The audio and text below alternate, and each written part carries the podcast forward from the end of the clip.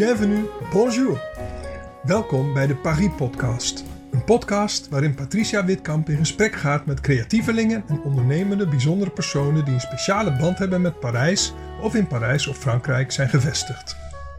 Patricia heeft een ongekende passie voor Parijs en ze wil jou graag inspireren.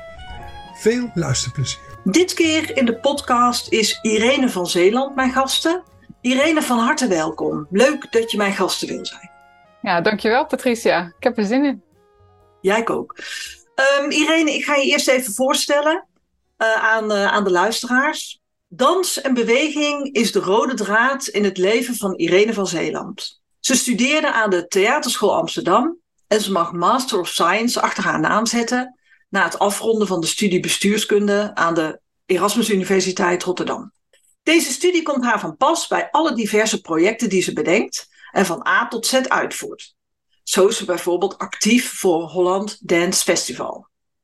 In New York nam ze deel aan een programma Hedendaagse Dans van de Merce Cunningham Studio.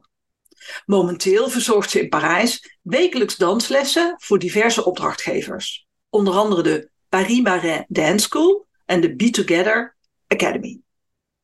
Samen met haar vrouw Carolina Kizan, audiovisueel genie en filmmaker, heeft zij Omaro Productions opgericht. En ze werkt als producer en choreograaf. Alle creativiteit en vakmanschap komt samen in hun internationale productiebedrijf. En alsof dat nog niet genoeg is, wil ze met haar project Keep Moving Me een voorbeeld zijn voor vrouwen die te maken hebben met borstkanker. Irene wil het belang van blijven bewegen benadrukken. En ze heeft online lessen bedacht en ontwikkeld die je in je eigen tempo en in je eigen omgeving kunt volgen. Op haar site Keep Moving Me lees je naast het persoonlijke verhaal van Irene ook: Ik ben blij dat ik deze danslessen met jou kan delen. Ik wil je helpen om vreugde en inspiratie te vinden in elke fase van jouw genezingsproces. Laten we dus samen blijven bewegen, stap voor stap. Irene, um, voordat wij gaan spreken over uh, jouw diverse projecten en je danslessen en je bijzondere project Keep Moving Me, stel ik jouw eerste vraag. Hoe ben jij nou eigenlijk in Parijs terechtgekomen? Uh, goeie vraag. Uh, lang geleden, 2008, was ik in Parijs in de meivakantie van mijn studie aan de Amsterdamse Hogeschool voor de Kunsten. Om een flamenco festival te bezoeken, wat masterclasses te volgen, voorstellingen te kijken die, uh, die niet naar Nederland kwamen, maar wel naar Parijs. En toen liep ik een beetje te dwalen door de Marais.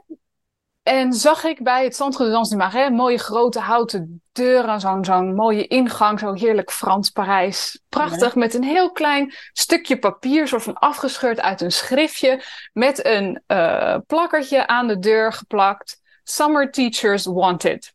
Ik dacht, wie niet waagt, wie niet wint. Mam zegt altijd, brutalen hebben de halve wereld. Dus ik met mijn nog niet behaalde diploma dat centrum binnengelopen en gezegd, hoi, tegen de tijd dat het zomer is, ben ik docent dans. Is dit iets voor mij? Nou, de directeur van het centrum was een hele beleefde man, een hele lange man, vrij indrukwekkend. Iedereen sprak ook ongeveer zoveel woorden Engels als er op dat blaadje stonden. En ik sprak ongeveer drie woorden Frans, dus dat was een interessant gesprek. En toen zei hij, uh, wat ze dan vaak zeggen, uh, ik bel je. Ik dacht, nou, iedereen, goed, je hebt geprobeerd, geef niet, je weet het nooit. Maar ik bel je betekent meestal niet heel veel goeds. En uh, ik denk drie dagen later ging mijn telefoon. Was het de directeur van dat centrum? Die zei: Ik heb er even over nagedacht. Maar ik vond het wel tof dat je zo brutaal binnenliep. Dus uh, zullen we het proberen? Oh, wat gaaf. Ja, en uh, zo kom ik in, in, de zomer van 2008, net na mijn afstuderen, dus terecht in Parijs voor mijn eerste baan, als het ware. Om les te geven in dat centrum. En dat ging ja, ging natuurlijk niet fantastisch, want wie was ik? Niemand kende mij in Parijs. Ik sprak geen Frans. De meeste Parijzenaars zijn er helemaal niet in de zomer. Dus het was een soort interessante mix van internationale mensen. Soms gaf ik les aan één of twee mensen, omdat dat was wat er langskwam op die dag, op dat, uh, op dat tijdstip.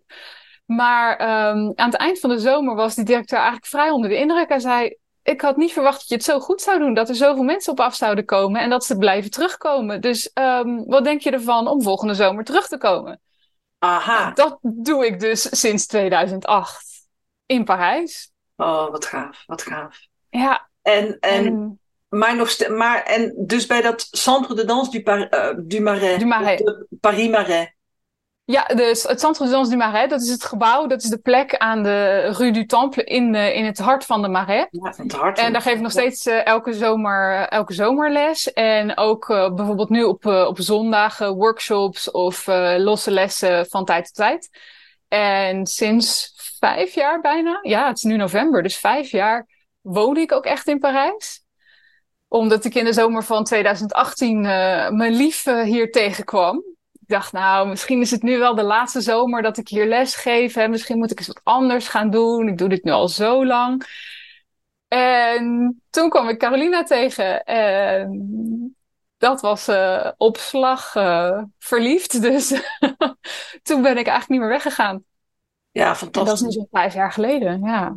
Ja, in het voorgesprek uh, vertelde je me ook dat het echt liefde op het eerste gezicht was. En dat je echt op het ja. punt stond van, nou, ga ik nou door naar Parijs? Of ga ik weer terug naar Nederland? Enzovoort. Maar het is Parijs geworden. Nou, super, super fijn voor, voor yes. jullie allebei.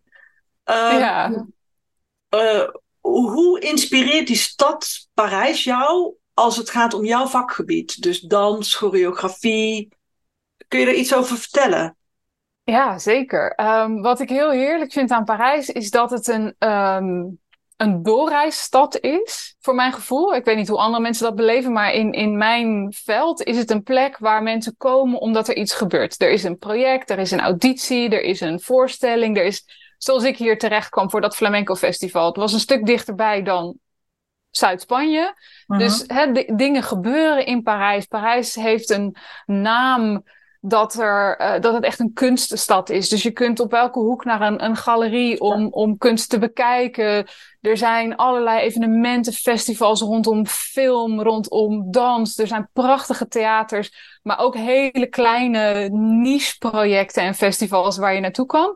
Wat mij enorm inspireert. Ik denk altijd dat. Hè, ze zeggen bijvoorbeeld van je kunt geen boek schrijven als je nooit een boek gelezen hebt. Je kunt geen choreografie maken als je niet naar dans kijkt. Je kunt geen film maken maken als je niet naar films kijkt, veel en, en met heel veel aandacht voor detail. En omdat je zo ontzettend veel opties hebt in Parijs, ja.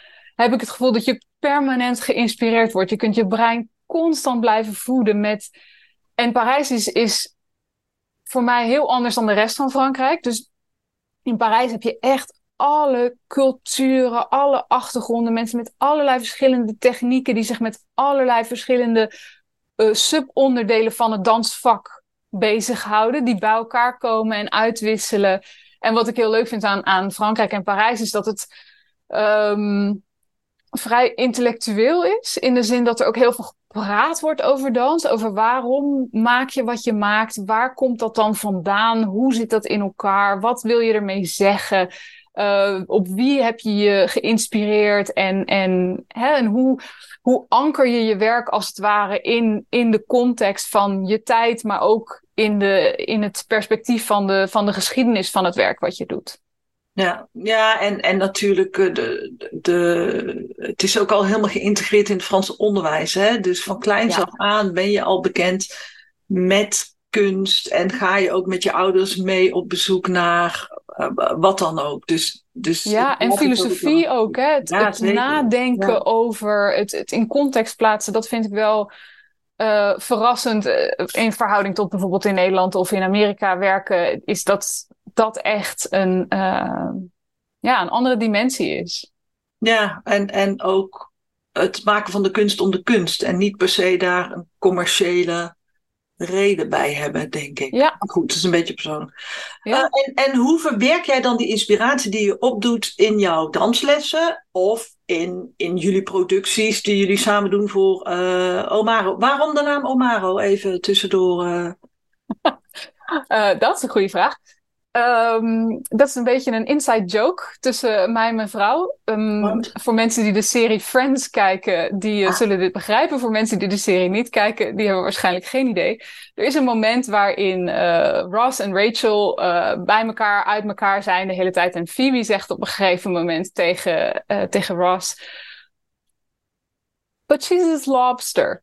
En dus zij is je, je kreeft. Ja. En omdat zij een heel beeld heeft bij hoe kreeften oud worden met elkaar, handjes vasthoudend in, de, in hun tank. En, en wij maken die grap altijd tegen elkaar. En Omaro is het Esperanto-woord voor kreeft. Omdat we een, een soort gezin, een familie zijn met heel veel talen. Ik ben natuurlijk Nederlandse, we spreken veel Engels en Frans thuis. Mijn vrouw is Braziliaanse, dus er wordt veel Portugees gesproken. We dachten, we moeten een naam voor ons bedrijf die overal uit te spreken is en die toch iets persoonlijks heeft. Dus zo zijn we op het woord Omaro gekomen. Supermooi. Ik heb alles Friends gekeken, maar dit hele stuk van Phoebe heb ik helemaal, eh helemaal niet wel even de diehard fans dit. Even voor de diehard fans, ja. Eh, terug, hoe verwerk jij je inspiratie eh, in jouw producties of in jouw lessen? Ehm, wij werken heel, omdat wij natuurlijk van onze eigen eh, oorsprong uit een soort internationaal eh, duo zijn, met geland in, in Frankrijk, in Parijs, ehm, werken we veel met mensen met verschillende achtergronden. En dan bedoel ik echt in de allerbreedste zin van het woord. Dus we laten ons heel erg inspireren door de verhalen van de mensen waarmee we werken. Of we zoeken mensen die zich goed kunnen vinden in de verhalen die wij willen vertellen, die we gevonden hebben doordat we met mensen koffie drinken, met mensen op stap gaan, ehm, hè, avonturen beleven met anderen. En dat zijn vaak toch wel de verhalen van mensen die niet, eh, misschien niet hier geboren en getogen zijn Ja? omdat je als niet-Franse niet zo heel makkelijk bij de Fransen binnenkomt, ontwikkel je eigenlijk automatisch een heel internationaal netwerk. En Parijs is natuurlijk een fantastisch internationale stad, dus ze zijn constant omringd door andere eh, mensen die van overal en nergens komen en die daar hun verhalen van meenemen. Dus dat is echt een, een belangrijk startpunt voor veel van ons werk. De Ja. verhalen vertellen van, van andere mensen. Ja. Of van onszelf. Ja, ik heb ter voorbereiding voor dit gesprek eh, jullie eh, YouTube-filmpje gezien, Visible of eh, Visible, Ja. Ehm, waarin jij prachtig danst. Kun je het verhaal daarachter vertellen? Ja, zeker. Ehm visibele of visible, maar mag allebei. Mhm. eh, is ehm, eigenlijk geboren uit de, de coronarestricties. Want ik was met een collega eh, van de Paris Dance School aan, eh, aan, het, aan het praten. En zeiden, we hebben een, een... In Frankrijk moest je een attestation hebben. Echt een, een Mhm. papier dat je dingen mocht doen. Hè? Of voor je werk, of dat je ergens moest zijn. Anders mocht je je huis niet uit. Of in ieder geval niet die anderhalve kilometer rondom je, rondom je huis. En wij hadden dus allebei zo'n attestation, omdat we naar de studio moesten om les te geven aan de vakstudenten. Want dat lag niet stil. De amateurs wel, maar de vakstudenten mochten gewoon doortrainen. En we zeiden tegen elkaar van, is niet zonde? Dat hele centrum staat leeg, al die prachtige studio's, er gebeurt niks. En jij en ik mogen wel dingen doen. Dus zullen we niet iets met elkaar oppakken? Hij zei, nou, supergoed idee, waarom niet? En zijn begonnen met repeteren, met werken en kwamen op een gegeven moment op het het idee van zien en kijken en wat dat betekent en hoe andere mensen naar je kijken en hoe je soms dingen ziet zonder dat je je ogen daarvoor gebruikt, hè, hoe je dingen waarneemt die niet altijd zichtbaar zijn. Dus toen zijn we heel erg daarin gaan, aan gaan graven en gaan onderzoeken. En hebben samengewerkt met uh, uh, Caroline Abraham, een, een dichteres uit India, die met hetzelfde idee aan de slag ging om korte gedichten te schrijven, die op hetzelfde thema gebaseerd waren, die wij vervolgens weer gebruikt hebben om het in beweging te zetten. Ja. En vervolgens Carolina erbij betrokken om uh, na te denken over hoe we het in beeld zouden kunnen brengen. Dus wij mochten wel met elkaar werken. En met de afstand in de studio konden we dat opnemen, zodat we zelfs in de coronatijd iets uh, konden laten zien, iets, iets, ja, iets moois konden bijdragen aan een wereld die er op dat moment niet zo heel erg positief uh, voor stond. Dus dat, uh, dat was eigenlijk wat we graag wilden doen. Iets, iets zichtbaar maken, iets laten zien, iets delen met de wereld. Wat je misschien even die drie, vier minuten laat vergeten uh, wat er allemaal aan de hand is. Ja, het is een heel krachtig. Ja, ik kan het niet zo goed onder woorden brengen, maar ik vind het een heel krachtig, mooi stuk. Dank. Uh, Irene, uh, Irene, mensen die, die denken aan Parijs en dans, denken natuurlijk dan ook aan l'opéra. Zeker. Opera is nu onder verbouwing. Of, of wordt verbouwd, gerestaureerd. Ehm, ja. En dat duurt al best een lange tijd. Uh, wij spraken over kunstenaar uh, GR, junior, GR, uh, hoe je hem ook noemen, noemen kan. En hij, jij vertelde dat je aanstaande zondag daar naartoe gaat. Ik ben een beetje jaloers, want ik heb zijn acte 1 heb ik live gevolgd via Insta. Hij, even heel simpel gezegd, hij heeft een heel goed groot doek gespannen voor de opera. En je kijkt in een soort van grot slash tunnel. En in die tunnel of in dat gat, als ik het zo plat mag zeggen, gebeurt heel veel. Combinaties van mensen die dansen, mensen die in beweging zijn. Uh, er is heel veel show omheen. Maar het doel van zijn kunst, altijd van zijn kunst, is mensen samenbrengen, ongeacht afkomst, nou, whatever you name it. Um, hoe inspireert hij jou?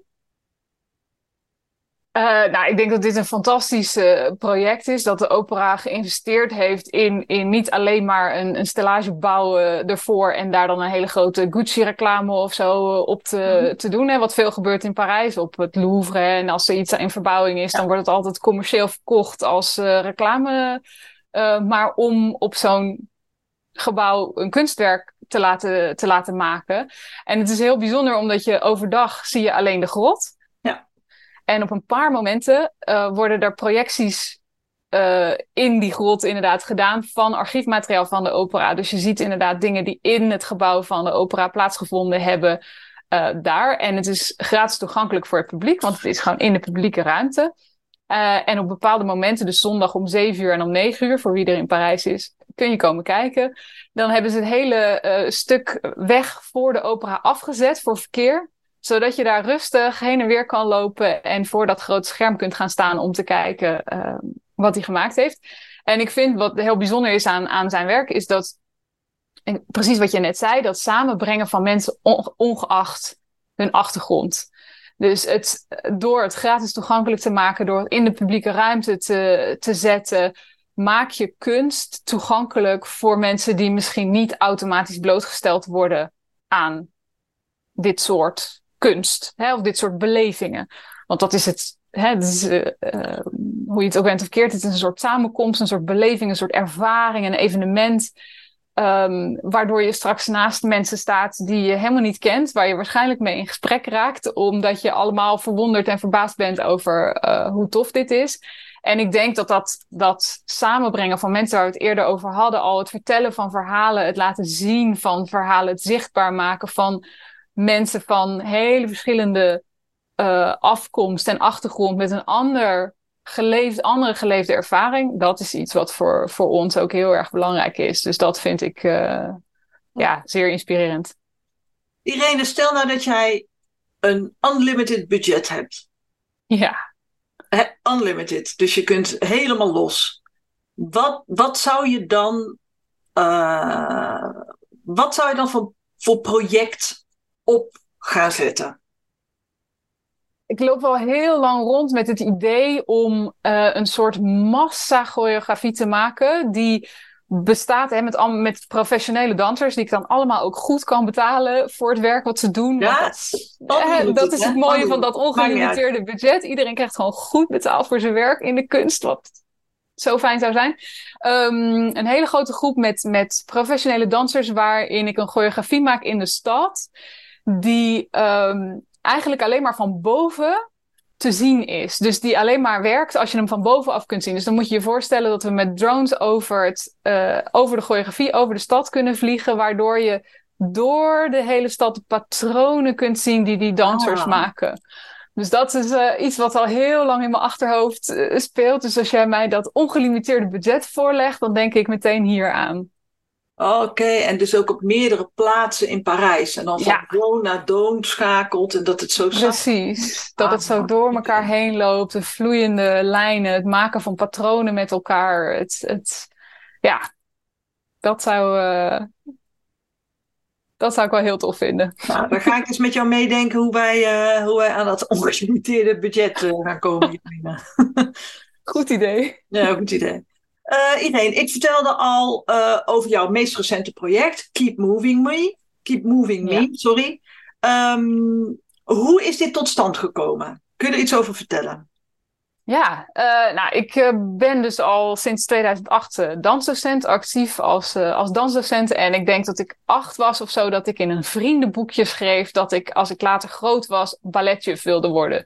Ik wilde nooit ballerina worden, ik wilde altijd balletjuf worden. Vond iedereen altijd heel bijzonder. Van, als je acht bent, wil je dan niet danseres worden? Nee, ik wilde juf worden. Oké. Nou, dat is gelukt. Uh, ik heb mijn diploma's gehaald. Ik heb uh, lekker aan de weg uh, getimmerd. En um, de laatste jaren, de laatste vijf, zes jaar, ben ik heel erg bezig met het inzoomen op andere lichamen. Dus ik heb heel veel gewerkt in een soort van professionele setting. Dus aanhalingstekens waarin je uitgaat van een soort van perfect lichaam, wat geschikt is voor dans, wat alles kan, wat je maar kunt bedenken. In plaats van dat je kijkt naar wat het lichaam kan en dans van ja. daaruit maakt.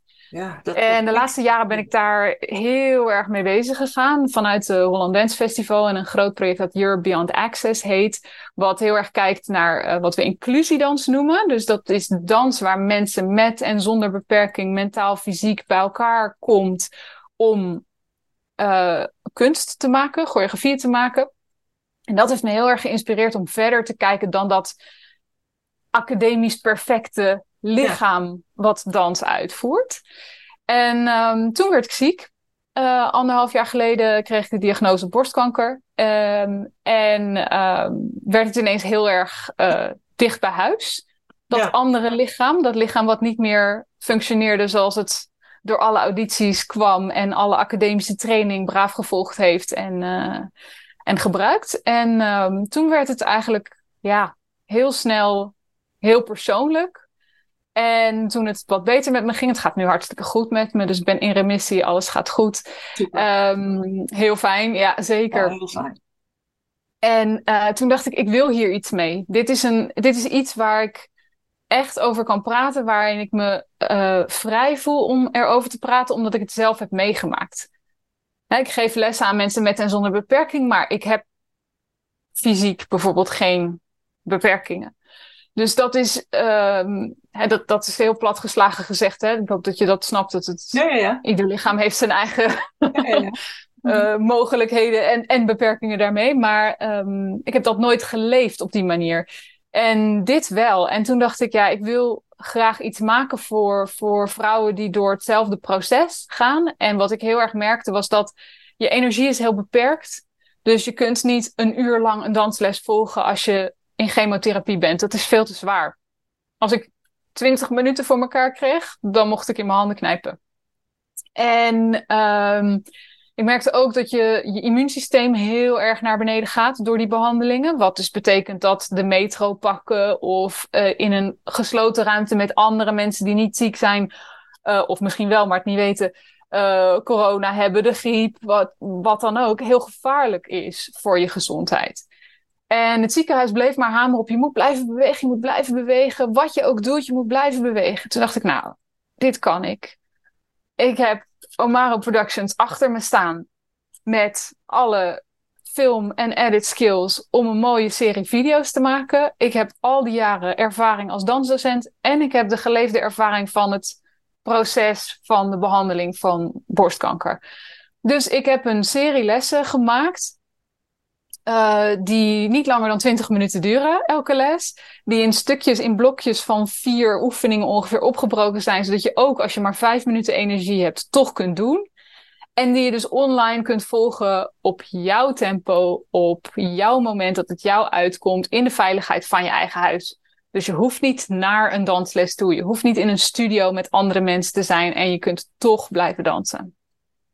Ja, ik, ik heb je site natuurlijk bekeken. Uh, naast het feit dat het er heel professioneel uitziet, hè, je hebt het gelijk in drie talen gelanceerd, zo van nou hoppakee, kom maar door, uh, uh, is het, voelt het ook heel intiem.